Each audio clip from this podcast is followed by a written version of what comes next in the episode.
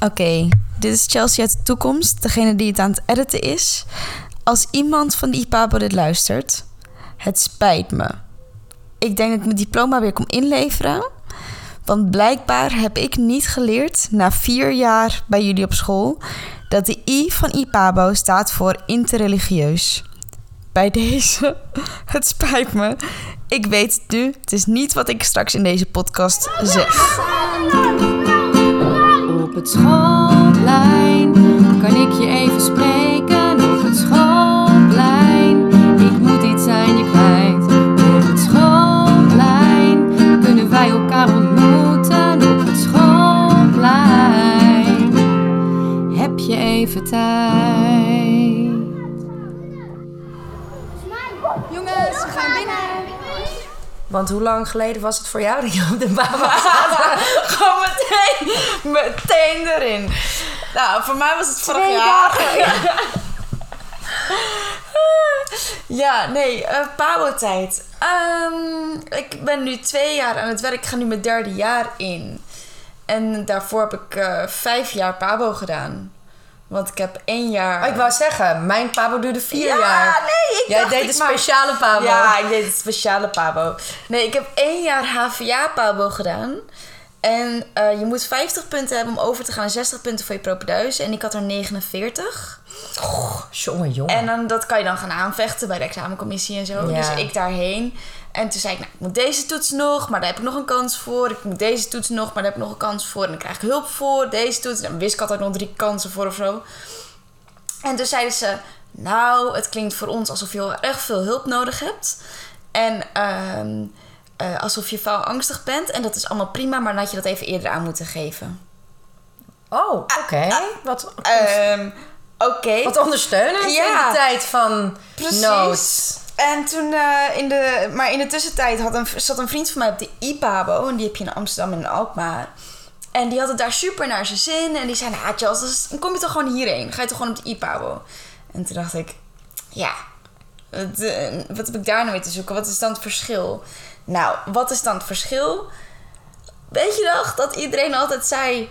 Ja, maar op de Hogeschool van Amsterdam ben je gewoon een nummertje. Oh, jij zat op de Hogeschool van Amsterdam. Oh ja, de HVA. Ja, Ja, sorry, ik zat net ja. Hogeschool van Alkmaar. Heet het Nee, nee, tegenwoordig? Met in. Holland. Ja, nee, ah, jij zat in HVA, Amsterdam, ja. Dat iedereen altijd tegen me zei, ja, daar ben je echt zo'n nummertje. Dat klopt. Ah, dat was het. En toen startte ik op de IPABO en het was echt alsof ik weer op de middelbare school zat. In Alkmaar. In Amsterdam. Oh wel. Ja, ik ben wel naar Amsterdam gegaan, maar dat was echt... Leraren kennen je. Ach. Als er iets is, weet je gewoon op wie je af moet stappen. Als je denkt, hé, hey, maar wacht eens even, hier klopt een puntje niet. Of eh, ik snap dit niet. Of weet ik veel wat. Dan weet je ook gewoon wie er bij de administratie werkt. Op de HVA moest ik altijd, dan stond ik op de eerste verdieping en dan was het, ja, ga maar even vragen op de derde verdieping. Oh nee, moet je in dat gebouw zijn. Het is Ah. alles zo. Ja, ik ken het niet, maar wat, is dat dan zo'n mega groot gebouw of zo? De HVA, ja, het bestaat gewoon uit geweest. 100.000 100.000 gebouwen. Ja, oh. En dan had je opeens had je weer een dag dat ze zeiden: Oh ja, nee, we gaan nu toch even in dat gebouw lesgeven. En de Pabo bestond uit twee gebouwen. Dus moest je ook nog goed opletten in welk gebouw je les had. Maar het kon ook zomaar zijn dat je dan opeens weer naar het andere gebouw moest. Maar het was gewoon, dan kwam je een leerkracht tegen in de hal. En dan zei je gedag. En dan zag je gewoon aan hun hele gedag zeggen terug: Ik heb geen idee wie jij bent. Ja. En dat werkt als je gewoon heel zelfstandig je ding kan doen. Ja. Als je gewoon je verslagen kan maken, je hebt er geen hulp bij nodig, weet ik het allemaal. Je vliegt er gewoon doorheen. Kan ik me best voorstellen dat het lekker is. Dat je gewoon je ding kan doen. Ik vond dat minder prettig. Ik vond het heel prettig om op de IPABO te zitten. En gewoon wel de persoonlijke contact te hebben. En als er iemand langskwam op stage of wat dan ook, dat ik diegene al kende. Dat ik wist hoe diegene in elkaar stak. En ja, ik vond dat gewoon lekkerder of zo. gemoedelijker, ja. Ja, en daar haalde ik dus ook gewoon in het eerste jaar meteen mijn propeduise. En was het allemaal prima. En eh, Ja, want leg eens uit, wat is dan het eh, grote verschil tussen de IPABO en de PABO? Eh, bij de IPABO krijg je uiteindelijk een extra diploma erbij voor... eh, want de I staat voor interconfessioneel, als ik het goed zeg. En eh, je kunt op een gegeven moment kiezen voor religieuze diversiteit of één religie. Dus je kan ook islamitisch als uitstroom kiezen of christelijk. Of... En ik koos religieuze diversiteit. En daar heb ik ook echt een apart diploma voor gekregen, religieuze diversiteit. En dat kan bijvoorbeeld heel prettig zijn als je per se op een islamitische basisschool wil gaan werken. Ja. Dat ze zien dat je ook daadwerkelijk weet wat het inhoudt en eh, wat meer van het geloof af weet, zeg maar. Maar weet je wat ik wel gek vind? Ehm, oh, ik zat op de gewone Pabo Ja, in Alkmaar, in Holland. En daar was ook een i-Pabo. ja, Maar ik heb ook nog een bewijsschrift. ja. ehm, religieuze farlalalar. Maar bij ons kon je dus ook een module volgen over religie. Ja. En daar kreeg je dan een speciale aantekening Oh, nou, dat- voor. ja, dat zal is dan- eigenlijk hetzelfde. Ja, dat zal dan hetzelfde zijn geweest. Eh, maar kon je, dan ook, kon je dan ook kiezen voor één bepaalde religie? Nee, wel- het Ja, was echt, je koos dat. Ja. En dan kreeg je de vijf, de, de vijf grote religies slash eh, Stromen. overtuigingsrichtingstromingen. Ja. En eh, ja, dat had ik gedaan. Dat vond ik echt trouwens... Ja. Ik ben heel blij dat ik dat gedaan had. Want als ik iets interessant vind, is het wel eh, dat. Nou ja, ik vond het ook wel, want bij, mij, bij ons ging het op een gegeven moment meer richting filosoferen en je eigen mening vormen en zo. Moet ik wel zeggen, dat verschilde wel heel erg per docent. Ja, dat zal, We ja. hadden één docent ertussen zitten en die was monnik geweest en weet het allemaal. Die kon prachtige verhalen vertellen en dan had je echt een gesprek met die man. ja. Er zat ook iemand tussen, dat was gewoon echt letterlijk alleen maar... nou, dit is wat er staat en dit is wat die ervan vindt... en dit is wat die ervan vindt en punt. En ja, dan... Ja, en dan is het opeens... oké, ga maar een godsdienstles geven op je basisschool... en dan sta je op een openbare basisschool dat je denkt... ja, maar dat kan hier niet. En hoe wil je dat ik dat dan nu ga doen? Maar bij die man was het dan bijvoorbeeld ook van... eh, oké, kies maar gewoon een onderwerp... En eh, voor mijn part ga je er gewoon over filosoferen met die kinderen. Dus ik heb toen bijvoorbeeld Kikker is verliefd gewoon met ze gedaan. Oh ja. En dat was helemaal niet... Dat werd daardoor niet echt een godsdienstles, maar meer een filosofisch Filosofie, gesprek. ja. Maar dat was dan ook oké, omdat ik dan daarna kon zeggen... Oké, en zo komt het voor in de Bijbel. En zo komt het voor in de Koran. En Ja. als ik het zou willen koppelen, dan zou ik het zo kunnen doen. En als er een kind tussen zit met dit geloof, dan zou ik het zo kunnen verwoorden. En dat vind ik, vond ik eigenlijk veel, ja, veel leuker en veel fijner dan gewoon alleen maar puur... Oké jongens, ik ga jullie nu vandaag eens even wat leren over de Koran. Ja, nou, Dit zeggen ze en je hebt ja. deze persoon. Want ik vond ook, ik vond mezelf daar ook niet per se eh, de geschikte persoon Nee, voor. dat je er zelf heel veel verstand van hebt Nee. of zo. Nee. Ik bedoel, ik leerde er wel over, maar ja, ik vind niet, en zeker niet als het mijn geloof niet is, dat ik degene ben om daar iets over te vertellen tegenover iemand die er waarschijnlijk veel meer van weet. Ja. Maar ja, nee, maar waarom, eh, waarom ik het in eerste instantie op de Pabo kwam, want we vallen er meteen gewoon in. Hallo mensen. We hadden Maar- het over de Pabo. Ja, maar dat kwam omdat. eh, ik had mijn vriend gaat nu zijn laatste jaar in, niet van de PABO, maar wel van een HBO-studie. En die was heel erg aan het twijfelen over welke boeken die eh, moest kopen. En toen, en ik ben heel veel dingen aan het verkopen. Toen zei hij, maar heb je niet nog eh, studieboeken die je kan verkopen of zo? Toen zei ik, nou, ik heb echt amper boeken gekocht. Ik heb, ja, ik, Moest je geen boeken? Wij hadden zo'n lijst. ja, we hadden ook een lijst. Maar ik, nou ja, dat heb ik voor de HVA heb ik dat gedaan. En toen ik eh, klaar was na dat jaar HVA, toen zag ik dat eh 9 van de 10 boeken nog in eh, folie zaten. Ja. En toen startte ik op die Pabo en toen dacht ik, nou, ik, ik wacht wel even. En toen heb ik gewoon, gewoon die eerste paar weken aangekeken van... oké, welke leerkrachten gebruiken echt het boek in de les... En van welke leerkrachten heb ik het boek nodig als ik een verslag of zo ga maken? Want dan kan ik het ook gewoon lenen in de bibliotheek. Of dan kan ik het gewoon in de bibliotheek gaan maken. Ja, inderdaad. Dus mijn tip aan alle nieuwe PABO-studenten of PABO-studenten... PABO-studenten die eh, het tweede jaar ingaan... of die heel veel geld hebben uitgegeven aan boeken het afgelopen jaar... en nu denken, hmm, is dat nodig? Nee. Nee, oké. Ik zou gewoon, want nou ja, de IPABO heeft een geweldige eh, bibliotheek met alles erin staan. Ook alle methodes bijvoorbeeld van, van basisscholen. En ja, dan ging ik gewoon een dagje daar zitten. En Ja, dan, is net zo makkelijk. ja, ging ik een dagje theorie typen. En de rest van het verslag ik dan wel thuis doen. Maar Ja, ik was dus laatst inderdaad aan het opruimen thuis. Ja. Maar ik heb in der tijd allemaal boeken naar zolder gedaan. Maar dat is best wel een moeilijke zolder om te komen. Ik weet Ja. ook niet waarom ik het zo heb georganiseerd. dat je dacht, dan is het uit Ik was zo... Ja. Ja. Nu is dus de tijd gekomen dat de zolder moet worden opgeruimd. Maar ik heb zoveel studieboeken inderdaad. Maar Ja. is, ja, weet je, dan denk ik, ja, verkoop. Jij kan het nog wel verkopen. Maar mijn boeken, die zijn... De, de, de, de- Proberen. ik kan het wel proberen, ja. Ja, druk 8 nodig. Ik heb druk 1 voor je. Menschen wordt nog met SCH geschreven, maar verder maakt het niet uit. Maar had jij ook het boek Meer dan Onderwijs? Ja. Dat was een soort bijbel. Oh, die Ja. heb ik wel gebruikt. Ik zit Staat nu te daar? kijken. Nee, ik denk dat hij op school ligt. Wat heb jij je boeken mooi op kleur? Oh, het echt met de, met de aflevering word ik autistisch. Mijn tante heeft dit ook, maar dan met een hele grote boekenkast. oh, mooi ik heb allemaal bloe- Chelsea heeft de boeken, de broeken op kleur. Chelsea heeft de boeken op kleur ingericht. over broeken gesproken, mijn kast hangt ook op kleur. Oh Maar, my eh, god. Maar eh, ja, nee, ik denk dat hij op school staat. Maar dat, is, dat was inderdaad echt Die vond een ik ook. onderwijsbijbel. Ja. Daar, die heb ik, nou, ik heb nog nooit zo vaak een boek geciteerd. Misschien ga ik die wel dan te koop aanbieden. Want ik heb hem de afgelopen 15 jaar precies nul keer gebruikt Ik als naslag. Of ik zou moeten kijken of, eh, of er nog dingen in staan waar ik wat mee kan. Nee, ik weet het niet. Ga je toch niet doen. Nee, dat ga ik inderdaad niet doen. nee. Dat dacht ik ook. Daarom had ik hem ook bewaard. Want ik heb hem letterlijk in ieder verslag heb ik die ge- Oh ja? geciteerd. Sterker nog, ik heb zelfs in Denemarken dat boek geciteerd. Oké. Omdat, ik, omdat er gewoon iets was waarvan ik dacht...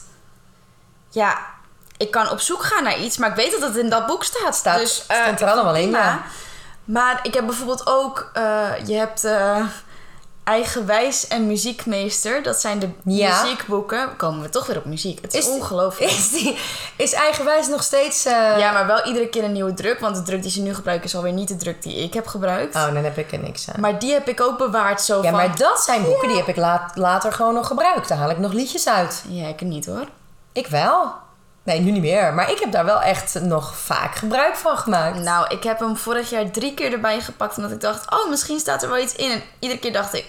eh, Ja, en muziekmeester, daar zat ook zo'n cd bij. Daar had je dat Ja. kattenconcert. Die Ja. ging ik altijd doen, die les. Ja, nee, Muziekmeester heb ik toen tweedehands gekocht. En ik daar zat nog. geen cd bij. Nee, dat zal. Maar ik had ook niks om die cd op af te spelen. Hebben we nu trouwens ook niet. Oh nee, voor de jonge luisteraars onder ons. Een cd. Een cd is een soort schijfje wat je ergens in een cd... Nou, maakt niet uit. Toen ik mijn cassettebandjes... Het is een soort, eh, eh, is een soort ronde USB-stick. nee, ja. voor de nog jongere luisteraars een USB-stick. ja, het gaat zo snel. Dat is echt niet normaal. Ja, Maar goed, ja, nee, Pabo. Want jij wilde wel altijd al leraar worden. Ehm, ik heb dat ik... Leerkracht. ja, dat ik naar 3 HAVO ging, moest ik mijn vakkenpakket kiezen. En toen ben ik echt met mijn ouders gaan zitten van... Oké, maar wat zou ik dan eventueel willen worden later? Want ik denk eigenlijk helemaal niet dat je dat weet op die leeftijd. Maar wij gingen daarvoor zitten. En eigenlijk hebben we toen gewoon een heel gesprek gedaan. Zo van, oké, nou, wil je veel geld verdienen? Nou, blijkbaar niet. Eh, wil je eh, met mensen werken? Wil je met computers werken? Wil je gewoon, zeg maar, zo'n rijtje zijn we afgegaan. En eigenlijk kwamen we daar gewoon steeds weer uit op met kinderen werken. Ja. Ik paste toen al een aantal jaar op, op buurmeisjes en weet ik het allemaal. En dat kwam continu terug. En toen was het oké, nou ja, wil je dan met jongere kinderen werken? Of wil je dan ook met oudere kinderen werken? Wil je ze les geven? Wil je inderdaad het oppassen meer? Wil je, nou, eh, zo gingen we steeds verder. En toen kwam eigenlijk al heel snel wel leerkracht naar voren. En Wel tof dat ze zo met je zo uitgebreid dat gesprek... fijn. eh, Ja, dat was super fijn. Want daardoor...